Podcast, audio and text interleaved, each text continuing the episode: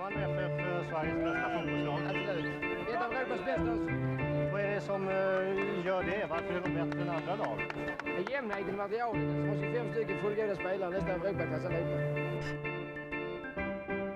Då hälsar vi alla lyssnare hjärtligt välkomna till ännu ett avsnitt av För alltid nummer ett. Gustav, vilket eh, nummer har vi i ordningen? Har du koll? Men jag tror att det är 131 kanske. Ja, okej. Ja, du sa 133 innan när vi hade lite mismatch med, med eh, tekniken här. Så att eh, du har i alla fall sänkt det två avsnitt, vilket kanske är bra. Då sänker vi ribban på dagens, dagens avsnitt.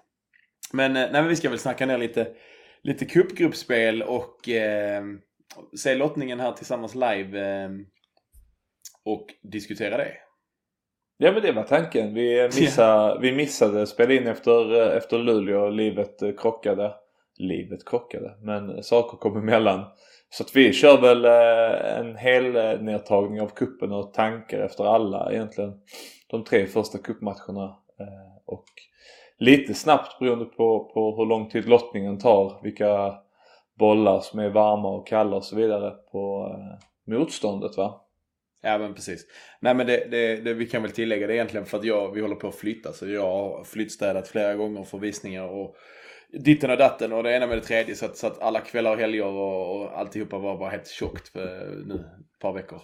Par veckor. Men nu börjar det, börjar det lugna sig lite så att det är rätt gött att, eh, att få tillbaka lite kvällar och, och helger där man inte springer och pillar i lägenheten och, och fixar. Så att eh, det, det ska vi göra och jag tror, jag tror att jag tror att vi kommer ha lite problem Gustav, för min sändning verkar vara någon minut bakom eller efter din, eh, din sändning.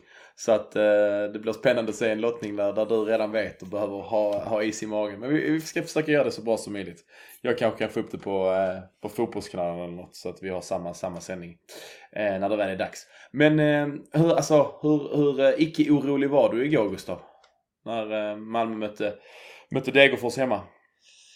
Eh, ska jag ta det i någon form av halvkronologisk ordning så efter sisådär 13 minuter så var jag inte ett dugg orolig. Då kände jag wow, det här är, det är skillnad från Luleå-matchen. Eh, det här kommer bli, det här kommer bli lugnt och det var ju precis efter eh, Isak Kiese lobb som räddas en, en eh, meter eller så utanför linjen. Eh, för att då tyckte jag att, att det hade inletts i ett sånt bra tempo och Alltså det var en så pass dominant kvart att det kändes som att det skulle vara ganska enkelt. Men eh, sen gör ju Degerfors, eh, här sen, det var ju ganska lång tid därefter, så när de gör 1-0 då börjar man bli lite mer nervös. För då hade vi varit dominanta så pass länge men inte lyckats göra mål. Och de har precis det alla, alla på IP och alla hemma i tv-sofforna hade sett. De gick på, på Luleå, eh, Luleås taktik eller Skövdes taktik och ligga lågt. Och sen kontra bara att Degerfors är lite, lite, lite skickligare än vad de lagen är. Eh, då blev jag faktiskt nervös för att de, de spelade ganska stabilt bakåt ändå tycker jag.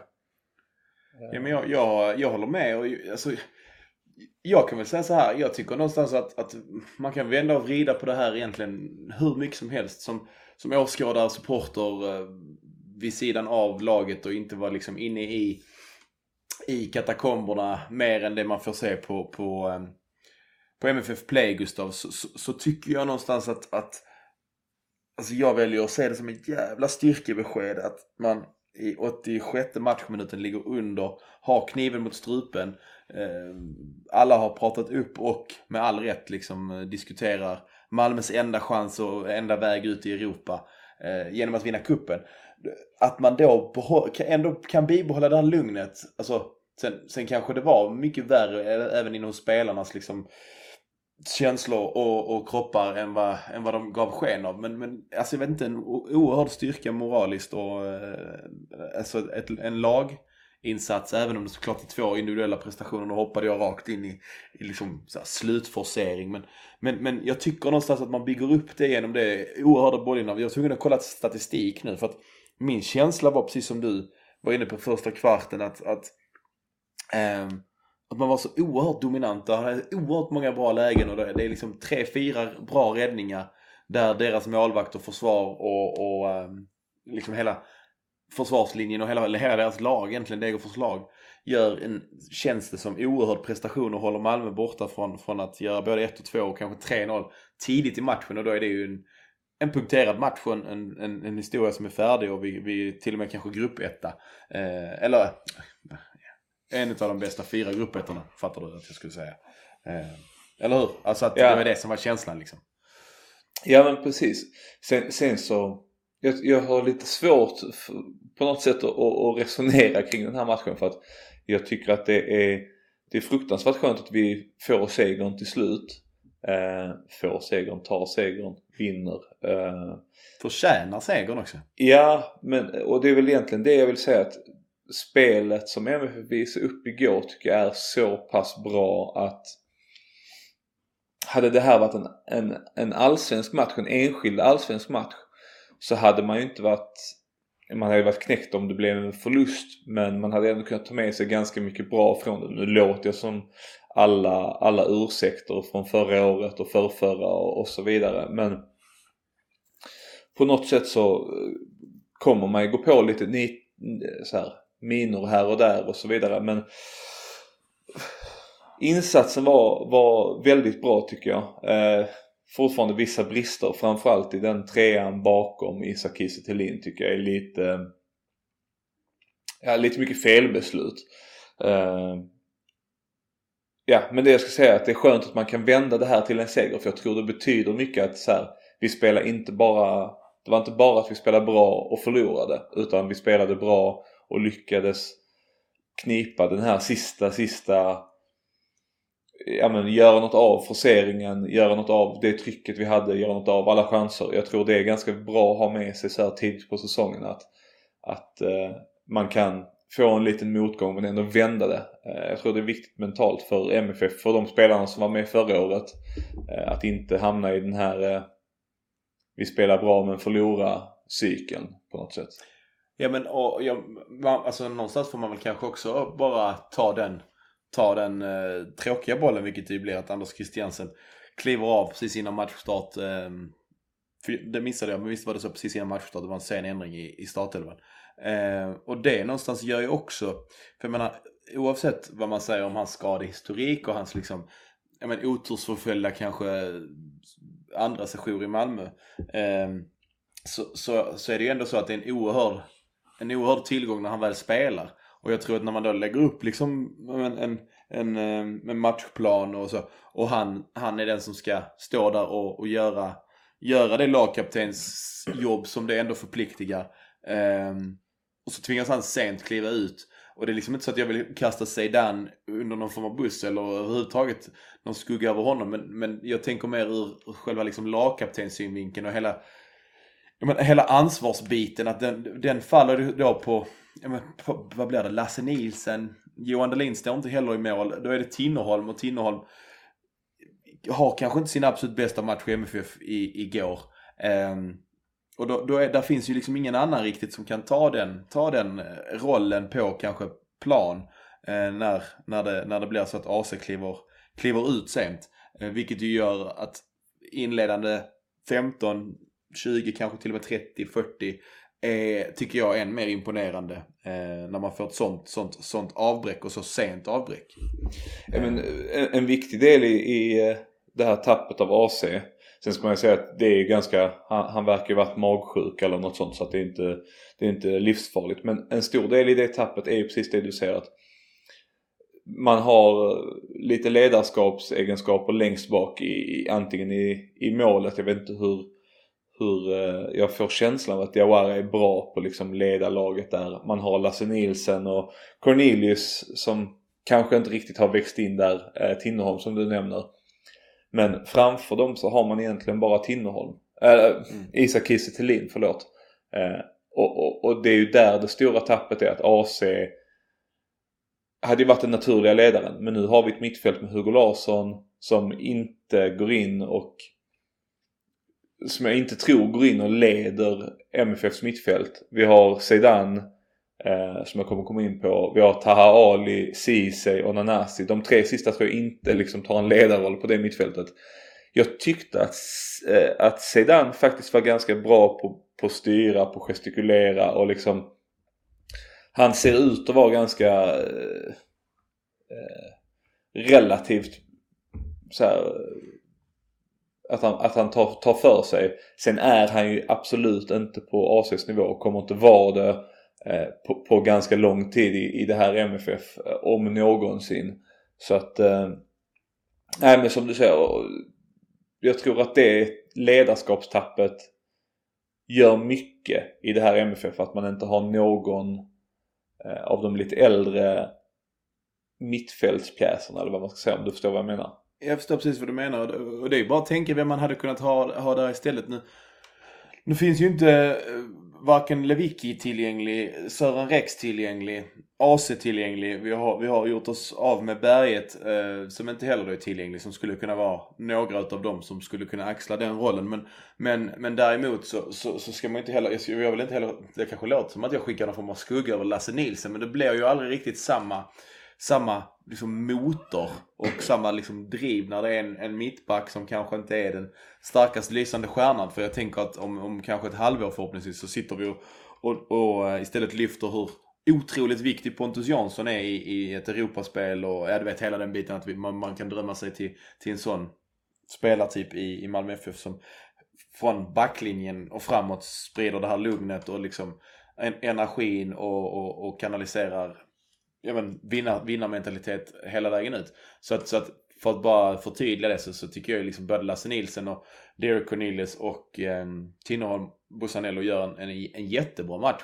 Alltså försvarsmässigt. Där är en gång där, jag vet inte riktigt, alltså när du tittar på den sekvensen Gustav, när vi släpper in det målet. Alltså det är ju Tinnerholm som tappar bollen i en, i en form av eh, anfallsvåg högt, högt upp vid, vid eh, motståndarnas straffområde. Och sen så studsar den fram och så spelar de sig ur på, på ett snabbt och rappt sätt. Men så ser det nästan ut som att Cornelius försöker ställa offside på egen planhalva.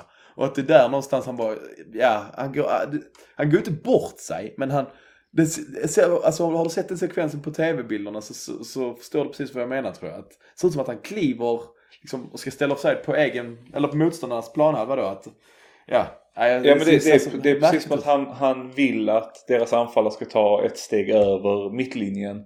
Eh, och han vill inte riskera att, att upphäva det om det skulle hända. Men äh, det, det, det är ju ett, ett svårt spel att göra i, i det läget. Eh, och det, det, är ju kanske inte det bästa, den bästa idén. Men i övrigt tycker jag att Cornelius, de vibbarna jag får från honom är nu, och nu hoppas jag att alla förstår mig rätt här. Det är, det är eh, Lasse Nielsen fast potential att vara lite, lite bättre. Så att man alltid har en spelare som är stabil. En spelare som alltid ligger på 7, 7,5 av 10 i betyg. Men eh, han, han rör sig liksom mellan 7 och 7,5 alltid. Det är liksom, jag tror inte man kommer få några dunderinsatser, några 10 av 10 kanske. Eller någon kommer man säkert få. Men jag tror inte heller man kommer få så många plattmatcher. Utan det är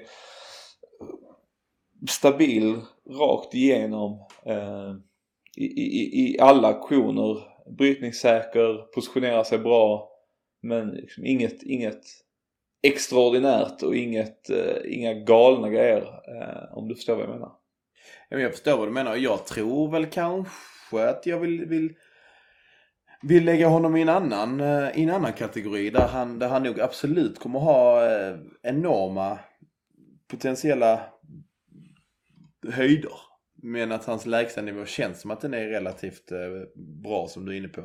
Och det är väl kanske som du säger Lasse Nilsen för att man, man han har ju fått bära lite hundhuvud emellanåt för, för, för sina sämre insatser och när det kommer fram att, att folk inte passar honom på träningen för att han slår bort bollar och, och så vidare. Det, det, jag vet inte, det är lite synd om honom för han, han är ju en av de mest stabila vi kanske haft på, på bra länge som ändå eh, nästan aldrig faller ur mer än vid, vid enstaka tillfällen. Men, men, men alltså just den här biten Gustav, att vi värvar och har värvat ganska mycket vänsterfötter den senaste tiden gör ju också någonstans att man ser det på, på liksom plan hur mycket, hur mycket det gör att ha en vänsterfotad mittback, en bra vänsterfotad vänsterback eh, som inte då räds för att, för att gå, gå framåt och följa med upp och kan slå inlägg och kan slå bra passningar snett inåt bakåt vilket skapar en helt annan liksom, en helt annan svårighet för motståndarna nu. Nu lyckas ju Degerfors i mångt och mycket och i, ja, men i, i då 87 minuter eller 86 minuter hålla oss från, från eh, det här tiki-taka som någon nämnde spelet. Eh, där vi inte kommer igenom. Men vi skapar ju ändå ett par riktigt, riktigt bra målchanser. Där det både är en, en högkvalitativ räddning på Hugo Larssons skott utifrån som liksom är riktigt, riktigt bra. Kristelins räddning där han lobbar över som du var inne på. Eh, sen är det något till blockerat skott som är så här, ja men med lite flyt så, så går de in. Och som jag sa innan, då är matchen redan färdig i, i första halvlek. Eh, men jag tycker inte det här är en, en, en match heller där vi vinner på tur eller på att domaren gör ett misstag och att man liksom känner att fan, alltså ska det se ut så här? Ska vi möta Djurgården, Hammarby, Häcken eller, eller Kalmar nu? Uff, den känns jobbig. Utan det känns lite grann som att man sitter här med, med 20 minuter kvar till lottningen och sen ge mig vad som helst. För att jag tror liksom att bara, bara vi har en, en bra dag så slår vi alla de, de fyra lagen. Men det är klart att har, de, har Häcken en, en fullträffsdag och vi en lite mindre, mindre bra dag, det är klart att det blir tufft då. Så att, är du med på vad jag tänker? Att, att det känns ändå som att det, det går att växla upp på det här spelet till någonting som blir ännu bättre mot kanske ännu bättre lag som inte bara faller raka vägen hem. Där Nanasi får lite mer ytor, där Taha Ali som faktiskt var riktigt, riktigt alltså, bra igår. Eh, långa stunder och Zeidan och AC och Hugo Larsson. Alla, alltså Penja tillbaka eh, kan ha kan ha lite mer ytor att hitta in i och, och sticka in emellan och, ja, men, och ställa ännu fler frågor till, till försvar som kommer att kliva upp lite och lag som vill, kommer vilja utmana och spela liksom. Först och främst vill jag säga, fan vi hatar det uttrycket, ställa fler frågor. Det, det är... jag verkligen avskyr det uttrycket. Uh, nej men, jag, nej, men, jag... Då, nej, men då, måste du, då, måste du, då måste du ge mig ett motbud på vad, vad, vad man ska säga istället. Det ligger och pressa och störa backlinjen. Uh... Fast det handlar inte om det. När Tahali och, och, och Nanasi kommer på kanten och de tar sina löpningar. Ja, men det, då, tvingar det så... du, då, då tvingar du motståndarna att välja. Ja, jag, jag, men jag tycker det är ett dumt, dumt uttryck. Det, det är så här sånt poputtryck som bara liksom har fått växa in i, i liksom svensk fotbollsvokabulär som pocketrollen som någon lanserade för något år sedan. Det fick inte lika bra fäste bara. Jag tycker det är liksom trams. Nej men det, det jag skulle säga var att vi ska, inte, vi, vi, vi, vi, ska inte Jävlar, prata liksom, fotbolls, fotbollsvokabulär för mycket. Men mm. det, det som har varit genomgående för hela den här gruppen är ju att alla lag har legat ganska långt ner. Eh, vi har, som du var inne på, fått ha högt bollinnehav. Jag tror vi har legat på liksom 65 plus i alla matcher, jag minns inte exakt. Eh, tiotals hörnor varje match och, typ 10-1 eh, eller något i den stilen i, i avslut i tre matcher. Eh, och det är ju klart att det, det är bra på så sätt att vi har varit väldigt dominanta vad gäller matchbild eh, och liksom fått, fått ha mycket boll. Men det blir ju också ganska tight att spela eh, mot lag som, ja men bara ta Luleå som exempel. Nu har de väl lite flyt att de lyckas hålla, eh, hålla nollan så pass länge. Men de spelar i princip 7-3-0 som uppställning. Eh, och emellanåt, igår så tycker jag att Degerfors spelar 3-4-3 på papper men det är snarare liksom någon 5-4-1 eh, eller något i den stilen. Men möter man lag som Häcken, Kalmar, Djurgården, Hammarby, eh, sen i Allsvenskan så, så finns det ett par andra lag eh, i, i liksom eh, ja, men AIK och, och Norrköping och så vidare som, som kanske inte spelar på det sättet.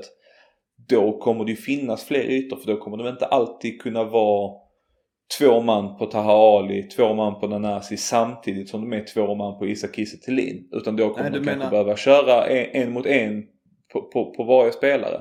Så att jag tror att det jag har sett från MFF nu, visst vi har inte fått liksom eh, Hammarby eska 8-0 segrar mot, mot urusla lag från Norrland. Men vi har ju fått ett spel som verkligen visar att kan vi, kan vi ha de här sekvenserna eh, och intentionerna som jag pratar om eh, mot, mot bättre lag så kommer vi få bra lägen och, och kan liksom Isak Kistelin fortsätta komma till de här avslutslägena i tajta vinklar i straffområdet så tror jag att det kommer kunna bli väldigt bra mot, framförallt mot bättre lag som inte bara lägger sig på egen planhalva. Ja du menar det här med att ställa frågor kommer att bli en grej när, när, när ytor öppnar upp sig och försvararen inte kan vara två på Taha Ali. Då, det är då frågorna kommer att ställas från Taha Ali till försvararen. Jag skojar Gustav. Eh, jag, jag, jag, tror, jag tror faktiskt att, som du är inne på, så tror jag faktiskt att eh, alltså nyckeln eh, mångt och mycket den här säsongen kommer nog bli det här, den här perioden. Alltså den kan mycket väl komma så här inledningsvis. Alltså att vi vinner eh, premiär mot Kalmar och, och det känns som att det är toppen och det är frid och fröjd. Och sen möter vi BP borta och det blir 0-0 trots 73% bollinnehav och 800 passningar och ett, ett massivt tryck mot BP-målet. Eh, och sen åka till Göteborg och, eh, och, och, och kryssa där. Spela 0-0 likväl liksom. Eh, där de bara brunkar till sig en poäng och är jättenöjda och står och firar liksom. Att, att det kommer säkert komma en period där vi spelar ett par 0-0 matcher eller kanske 1-1 eller du vet så här, alltså där, där vi inte liksom riktigt får hål eller där, där det blir en matchbild som den här som var igår att ja det skulle lika gärna kunna sluta 1-1 igår ju. Alltså där vi inte lyckas få in det här andra målet. Ehm, och då, då hade man varit jävligt besviken med tanke på matchbild. Så att jag tror att, att det kan bli en rätt stor nyckel för, ja men jag tänker framförallt alltså Rydströms liksom eh, inte, inte hans tålamod utan vårt tålamod med Rydström. Eh, så att man inte hamnar där igen och efter fem matcher och, och någon poäng bakom tänker att allting är, är kört och vi kommer komma sjua igen. Utan jag tror att vet, när det väl vänder, kan vända där, nu vet ju inte jag om detta blir så, men du, du kan själv tänka dig scenariot att det skulle vara så att det börjar liksom kan bli lite stormigt och, och, eh, och stimmigt kring, eh, kring det från, från en del supportrar så, så, eh, så tror jag att det likväl kan vända att man radar upp en 5-6, kanske 7 segrar i rad och så är man tillbaka i, i racet igen. Um, racet är kanske någonting som jag inte gillar att prata om. Guldracet och så vidare. Men skit i det. Eh, jag tänkte ta- vi jag hittar tänkte bara, ta en- begrepp som vi inte vill ha. Ja precis. Jag, jag tänkte ta en, en liten farhåga inför säsongen som, som jag faktiskt har tänkt på nu. Lite på, eh, på samma ämne eh, som att vi har mött, mött eh, lågt stående lag. Och det är ju att vi har faktiskt inte har mött något lag som, som gillar att anfalla, gillar att ha boll, gillar att liksom pressa högt. Eh, och det ska bli intressant att, att se hur det går när vi faktiskt möter ett sånt lag. Eh, för att så här, att, att försvara sig mot, mot Degerfors är sin sak. Men hur kommer det se ut mot men, säg, säg att vi får Djurgården nu och, och, och liksom de har Wikheim, Asoro, Edvardsen, Oliver Berg, Mange Eriksson och, och liksom ett par, andra, ett, ett par andra bra spelare. Hur kommer vi stå emot deras offensiv? Den matchen har vi inte riktigt sett MFF spela hittills i år. Så att det finns ju en viss, en viss farhåga inför liksom helgens, helgens kvartsfinal. Att, att det helt plötsligt kan bli ett ganska bryskt uppvaknande när man möter ett lag som, som kanske inte tillåter att vi har 65% bollinne, bollinnehav utan petar ner oss på, på 55 eller till och med 50% bollinnehav. Så att eh, det, det ska på så sätt ur ett liksom, vad ska man säga, fotbollsintresse så ska det bli intressant att se vilket motstånd vi, vi får och hur vi kommer att kunna hantera det. Eller den typen. Yes. Ska vi eh, rulla lite årsmöte så här en kvart innan eh, lottningen drar igång? Det tycker jag. För det, eh, där var, jag var ju på plats och du missade ju tyvärr. Har du, har du eh, sett eller läst eller vad har du? Men jag, har, jag har läst i kapp lite. Jag försökte följa med så mycket som möjligt eh, under tiden. Men, men det fanns ju lite, eh, ja, lite dubbelbokningar och sånt som tyvärr ställde till det för mig. Eh, så att jag har fått, eh, fått eh, ta igen det i efterhand.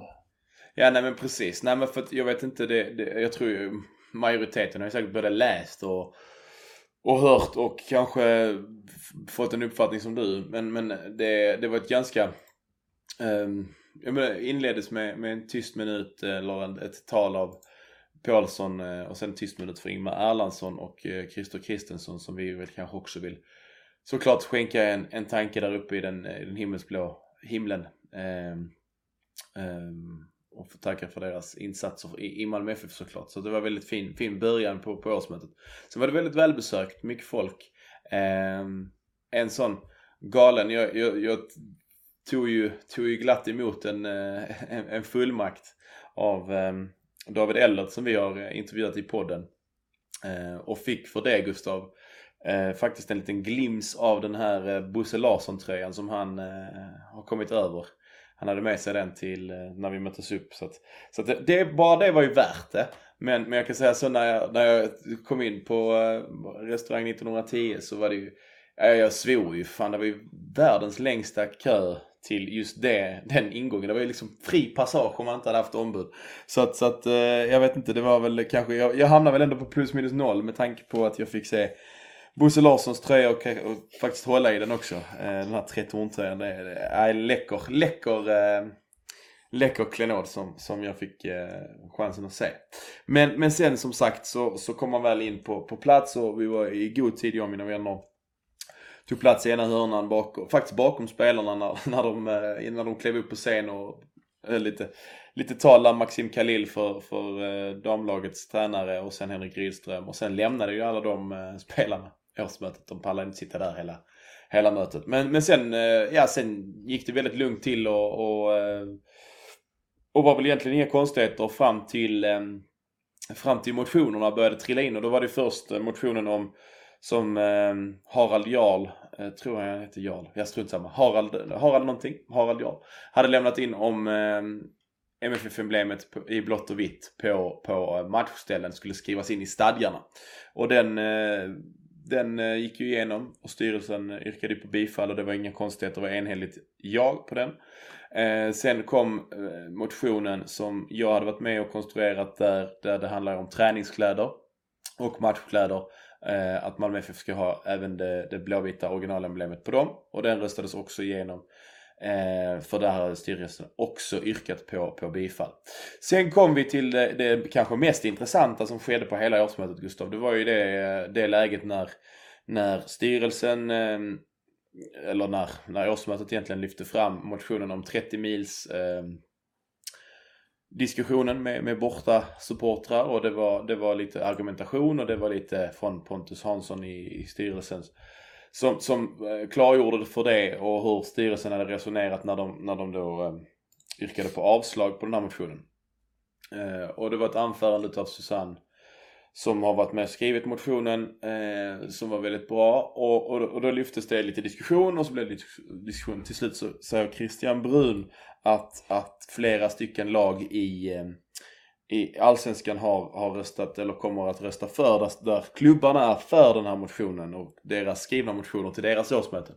Och ställer frågan rakt ut till Malmö FF styrelse. Ska ni, ska ni, ska ni vara eh, Ska ni, eh, ah, jag kommer inte ihåg ordagrant vad han sa Christian där, men, men eh, ska ni, eh, nu är det dags för Malmö FF att bekänna färg. Ska ni, ska ni vara framtiden eller ska ni vara bakåtsträvande? Lite åt det hållet att, att man, man skulle eh, agera på denna liksom. Och då, då på, på, på, på stående fot eller på sittande fot blir det ju, så ändrar Paulsson och styrelsen sig till att, till att då utifrån en liten tolkningsändring kan vi tillägga um, eh, yrka på bifall. Så då röstades den också igenom helt utan eh, några som helst problem. Eh, där, där, kan jag väl bara ja. flika in att jag tycker, tycker att det som eh, Paulsson har, har sagt efter eh, årsmötet kring, kring just det här att man ändrar sig.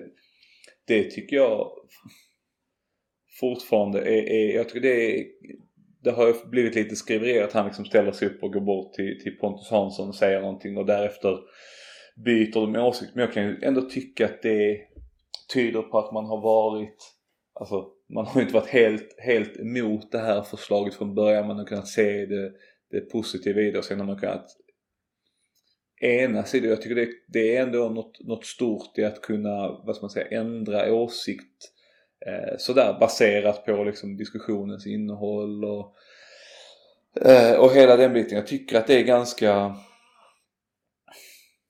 jag ty tycker det är ganska, ganska bra agerat bara. Och, och kunna göra så. Det, det är liksom prestigelöst och, och det tycker jag är viktigt att, att, att eh, MFFs styrelse kan agera på det sättet. Ja, men, och man får ju hoppas, alltså, och det, det, det, ja, det, det, det förutsätter jag helt och hållet att man har diskuterat eh, en eventuell liksom, tolkningsändring eller så i styrelsen innan. För annars så är väl jag kanske av, av åsikten att jag inte riktigt gillar den om, om det bara sker så här att Paulsson har, har känt att oj det här kommer bli en, eh, en, en rätt så bra eh, kraftig shitstorm om jag om vi, jag och vi, eller framförallt jag då, står i rampljuset för att säga nej och sju andra klubbar eh, kommer, kommer stötta förslaget. Är du med på vad jag tänker att Alltså, man får väl hoppas och förutsätta någonstans att styrelsen har, har tagit höjd för detta efter att man har diskuterat med motionärerna. Eh, för det vet jag, de var ju inne precis innan oss när vi, när vi, när vi också träffade styrelsen. Eller delar av styrelsen och, och Niklas Carnén. Så att, så att det, det får man väl hoppas tänker jag. Så att inte det liksom, för annars blir det inte snyggt liksom. Förstår du vad jag tänker? Ja, nej men jag väljer ändå att ha det förtroendet att jag tror att det var att man, man, man var så pass nära från början när man gick in i det och sen helt, helt enkelt att man, man konstaterade att, att motionärerna hade en väldigt bra poäng. Eh, och att man valde att byta åsikt på grund av det, inte av liksom att man skulle bli, bli populäraste killen på skolgården. Utan att, att det helt enkelt var att eh, ja, diskussionen var så pass bra och, och, och vettig liksom. Nej men för att, för att det, det, alltså vi kan ju, man kan ju diskutera det här hur mycket som helst. För att någonstans så tror jag även att, att motionärerna inser att, att det kan bli ett problem och det kan bli en ganska orättvis liksom, fördelning av, av de här tradiga måndagsmatcherna. Om man då så heter Värnamo eller Jönköping eller Norrköping du vet som, som ligger mycket, mycket bättre till resmässigt för, för alla, alla matcher egentligen än, än till exempel Malmö-Sundsvall. Så att, så att det finns ju svårigheter i det men jag tycker ju det är jättebra att man röstar igenom en motion där man ska verka för supportrarna och att, att man också inser att vi supportrar är de som faktiskt sätter, ska sätta agendan och, och ska få vara med och sätta agendan utifrån både spelschema och liksom, men allting egentligen. Ehm, och det tar oss väl egentligen in på, på nästa, nästa eh, motion Gustav, det var den sista. Där, där eh, ja, den har vi redan nämnt. Um, det här med får, jag, får jag pudla ja. lite med den här motionen? Ja. Alltså, jag, jag, det är ju lätt att man kan sitta och skratta åt det och sitta liksom och tycka att eh, ja, men, e-, eftersom vi och, och, och, många, många andra inte tycker som eh, Ja, nu har jag tappat bort hans namn. Johnny tror jag han hette. Ja, John, vad, vad, Johnny, vad Johnny skrev i den här motionen. Jag kan Jag håller inte med om, om någonting egentligen. Eh, däremot så, så, är det ju ändå det här det är till för att mm. han, har, han har den åsikten. Eh, vissa av hans förslag var kanske inte jättebra. Eh, men det, det är ju fullt rimligt och fullt alltså all respekt att han faktiskt tar sig tid att skriva motionen. För det är, det är väldigt många gånger man ser och hör folk ha åsikter om hur MFF ska agera. Eh, i, I antingen specifika frågor eller, eller vad det nu kan vara så. Och så skriver man, eh, ser människor som skriver liksom Twittertråd på Twittertråd och det är tiotusentals tecken i en fråga. Men när det väl vankas årsmöte så dyker ingenting upp.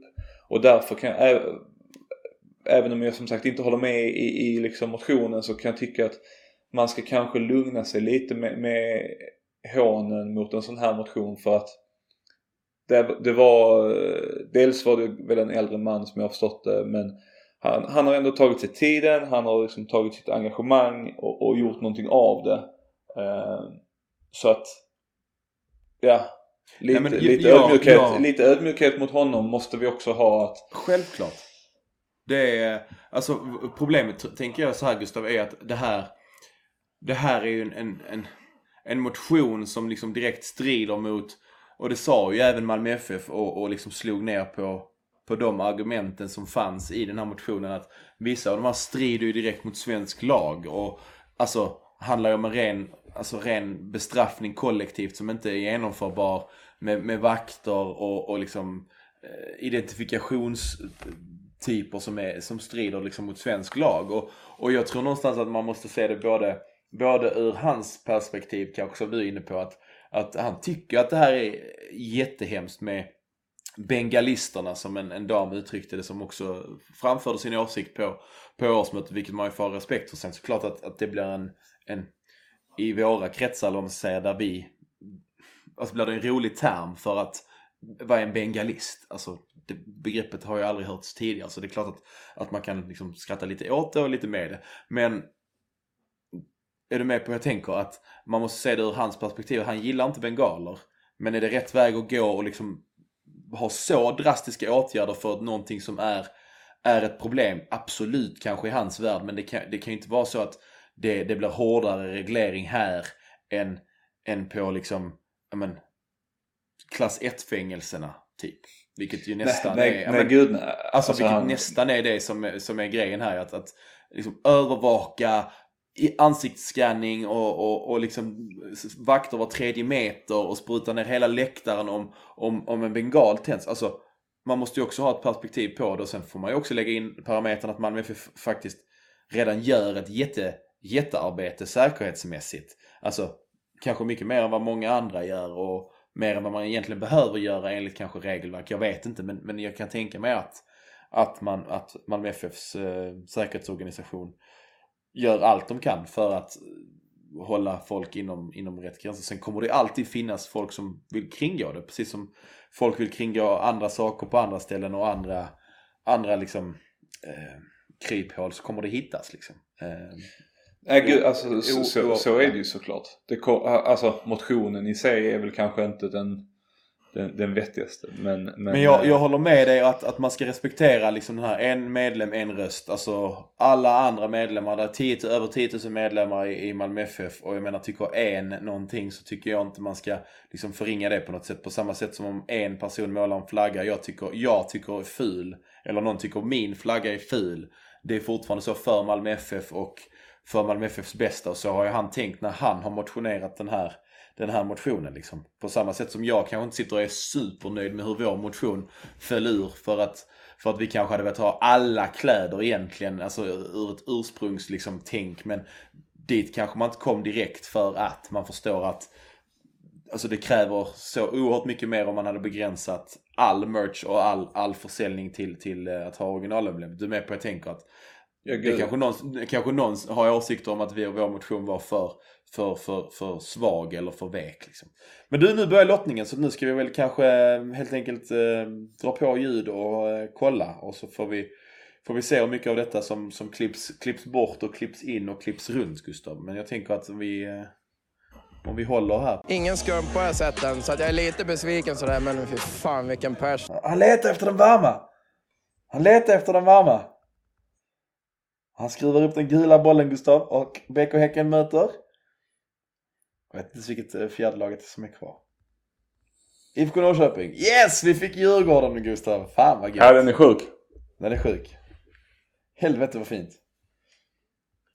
Ja, ja men du Gustav, vi, eh, vi har ju nu, nu, jag vet inte hur mycket reaktioner folk har fått höra för vi, vi var lite osynk i vår eh, sändningar. Men nu har vi i alla fall fått, eh, fått vår eh, cupkvartsfinal mot Djurgården borta, vilket jag, jag har läst lite under dagen att många ändå ville ha den matchen och jag, alltså jag sa ju också att det, det hade inte varit fel att ha ha dem emellan Poznan-matcherna varpå du direkt sa tänk om de vinner första, jävlar vilket stim de kan vara i då. Ehm, jag vet inte, vad va, vad tänker du nu när det faktiskt blev så också? Är det bra eller mindre bra eller vad fasen säger vi? Men jag, jag är lite nervös av just den anledningen att så här, visst det är lätt att säga att ja, men de kommer fokusera på Poznan för att eh, det är liksom den, den största matchen i, i deras klubbs eh, moderna historia kan man väl nästan säga. Nej, kanske inte riktigt men en väldigt viktig match för dem. Eh, vilket innebär att de kan vara väldigt slutkörda. Men vi vet ju också från, från erfarenhet att de här matcherna kan också bidra med jävligt mycket energi. Eh, att tänk om de bor, slår Poznan borta eh, tre dagar innan vi ska möta dem. det kommer ju innebära att de går in i ett jävla stim i, i, i, eh, i vår match och alla har högt självförtroende. Och spelar det ingen roll om man är lite trött för att alla eh, kommer in i ett helt annat tempo också. Eh, så att nej, jag är, inte, jag är inte bara glad för den här lottningen ska jag säga. Sen så finns det ju såklart fördelar också. De kan gå på pumpen, få jättetufft motstånd eh, nere i Poznan. Kanske förlorar med, med ett mål. Och då blir det en ganska stor prioriteringsfråga eh, var man ska lägga energin. Och, och där tror jag att eh, vi kan ha en liten fördel. Sen Ja, ska man väl också säga att, eh, för, förlåt nu, nu jag bara Ja, fortsätter. lugnt. jag släpper inte ens in dig i det här Nej, samtalet. det, Jag har en monolog. Kör, kör. Eh, Jag tycker att en intressant grej är att det jag har sett av Djurgården på försäsongen, jag har inte, jag har inte konsumerat allt här, är det har inte varit, det har inte sett briljant ut bortsett matchen mot, mot Landskrona. Som man vann med 6-1 sen har det liksom varit, eh, det var en 4-1 förlust mot Värnamo med ett okej lag. Det var en knapp seger mot Örebro borta. Och det var en knapp seger mot Djurgården, eh, mot, mot Brommapojkarna hemma. Nej jag håller Och med. Jag tycker, klart. jag, tycker, jag tycker också det är en parameter. Jag tycker, alltså, nu har jag inte jag sett jättemycket Kalmar heller men, men det känns som att liksom det, det, alltså Kalmar är väl kanske det sämsta laget på pappret av de här fyra. Men jag skulle nog säga att liksom lite beroende på eh, var den spelas också. För det var väl sjukt mycket beroende på väder var Kalmar skulle lira sin hemmamatch förstod jag det som. Eh, det kunde bli Fredriksskans, det kunde bli Guldfågeln Arena, det kunde bli Gasten. Eh, nu, ehm, alltså, ja du vet, jag tycker de, de har känts mer imponerande det jag har sett än, än Djurgården faktiskt. Så att, eh, ja, jag, ehm, jag är ändå relativt nöjd. Jag tror att det kan vara ganska bra att de, för de har inte varit i situationen innan Gustav. Vi har varit i den så många gånger. Jag tror att när vi var första gången i, i ett Europaslutspel så var vi liksom inte eh, Ja, nu har vi såklart fått semifinallottningen också mitt i alltihopa här att vi får möta möta Häcken eller Norrköping borta i en, i en semifinal. Det är ju helt otroligt att förra året hade vi eh, hade vi väl en bortamatch. Nej, två. Så vi hade final. både Djurgården och eh, Hammarby Just borta. ja, på Tele2 ja. ja. Men det, det är i alla fall eh, skönt att slippa Tele2 två gånger eh, nu. Sen lär vi kanske hamna där i final igen men då, då kan vi väl eh, vinna igen på Tele2. Det är ju, börjar bli en vana. Nej jag skojar, shit vilken, vilken kaxig attityd. Jag har inte vunnit Ja. på 30 år plus och sen ett år och sen, ja, vi tar dem igen i finalen va. Inga problem. Ja. Nej men eh, det, det är svårt att tippa favoritskap. Det här är ju det, lite det jag var inne på, på innan också. Att hur, hur står MFF mot sig? Jag använder ju just Djurgården som exempel. Hur, hur blir det att möta ett lag som faktiskt har bra offensiva och defensiva spelare? Även om jag tycker att deras defensiv ser lite svagare ut än förra året. Mycket svagare faktiskt. Eh, men du, en sak som jag kom på nu när jag bara satt och kollade eh, när de lottade klart eh, se, eh, se, eventuella då, alltså semifinalerna. Tänk vilken, vilken, vilken fantastisk, alltså, ehm, cup, eh, vad ska man säga, ehm, upplösning det kan bli om, om Norrköping vinner, vi vinner, eh, Kalmar vinner och AIK vinner. Då är det alla fyra lagen som, som inte har Europaplats. Alltså, det blir ingen sån du vet att Kalmar får platsen för att det är Hammarby, Djurgården i final. Eh, utan det är verkligen liksom alla fyra lagen i semifinal vill, eh, vill, vill, vill vinna till varje pris för att det är en Europaplats. Det hade ändå varit ganska fett om det är... Nu tror jag inte det kommer hända för jag tror liksom både Häcken kommer slå Norrköping och jag tror att, att Hammarby eh, slår, slår AIK. Eh, och sen tror jag, ja jag vet fan. Men eh, vi, eh, vi, vi förlorar väl på den här sandmattan på Tele2 så vi kan gnälla på någon, någon plast och någon sand och skit i år. Men eh, nej, vi får se. Det blir spännande oavsett. Vi, eh, vi får eh, mobilisera de som, de som har möjlighet att åka upp. Det är det är ju ganska kort eh, varsel. liksom. förvarning. Det är ju på, matchen kommer ju spelas på, på söndag. Ja, det är inte är ju- säkert va? För Jo det är väl helt Är säkert, säkert? faktiskt. Okej, ja, ja, ja, i, ja. i och med att matcherna skulle spelas lördag söndag tror jag jag läste mig till. Och eh, i och med att Djurgården spelar borta mot Poznan den nionde.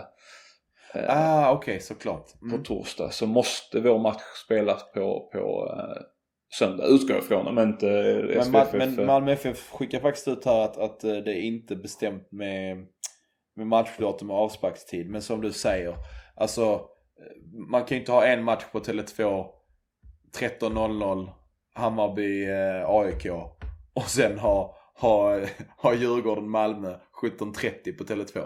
Det, är liksom, det finns ju inte på samma dag. Det, de spelar ju definitivt olika dagar. Sen kanske det är så att, fast skulle vi inte kunna spela måndag också? Det skulle kunna vara så jävligt att man får spela måndag vet du. Det skulle det kunna vara. För att de ska få liksom eh, fredag, lördag, söndag vilodag, tisdag, onsdag. Ja, det blir två dagar då. Jag vet fan. Den är, den är svår. Men eh, ja, det kan ju också bli Hammarby AIK måndag ju. Kan det ju faktiskt också bli. Rent rimligt borde det väl vara med tanke på 30 mils eh, motionen.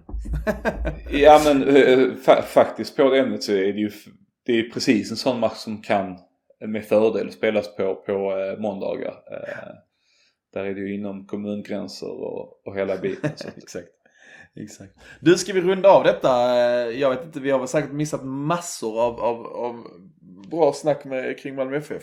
Vi, eh, vi kan väl nämna, att, eller nämna, men, men eh, jag- tänker vi ska ta ett litet fokus nästa avsnitt Gustav på att kolla, kolla kring, kring Malmö FFs damlag som, som ju spöade Bromölla här i, i lördags också så att vi inte, inte glömmer bort. Vi, vi har full koll på vad, vad de också hittar på såklart. Men eh, ibland så räcker inte avsnitten till här. Nu har det här redan blivit långt. Nej men vi gör väl så att vi håller här så, så tar vi eh, och eh, hörs igen när vi hörs helt enkelt. Ja, nu lovar vi ingenting längre. Det är sen gammalt. Vi har, vi har lärt oss efter, eh, efter tre år. Men Fyra. jag ska inte sälja fler lägenheter nu i alla fall på ett tag vad det verkar. Så att jag, jag behöver inte städa och ha mig och visningar och springa sådana rundor. Men eh, vi säger tack för att ni har lyssnat så hörs vi eh, en annan dag helt enkelt. gör vi. Ha det gott. Ha det gott. Hej. Hej.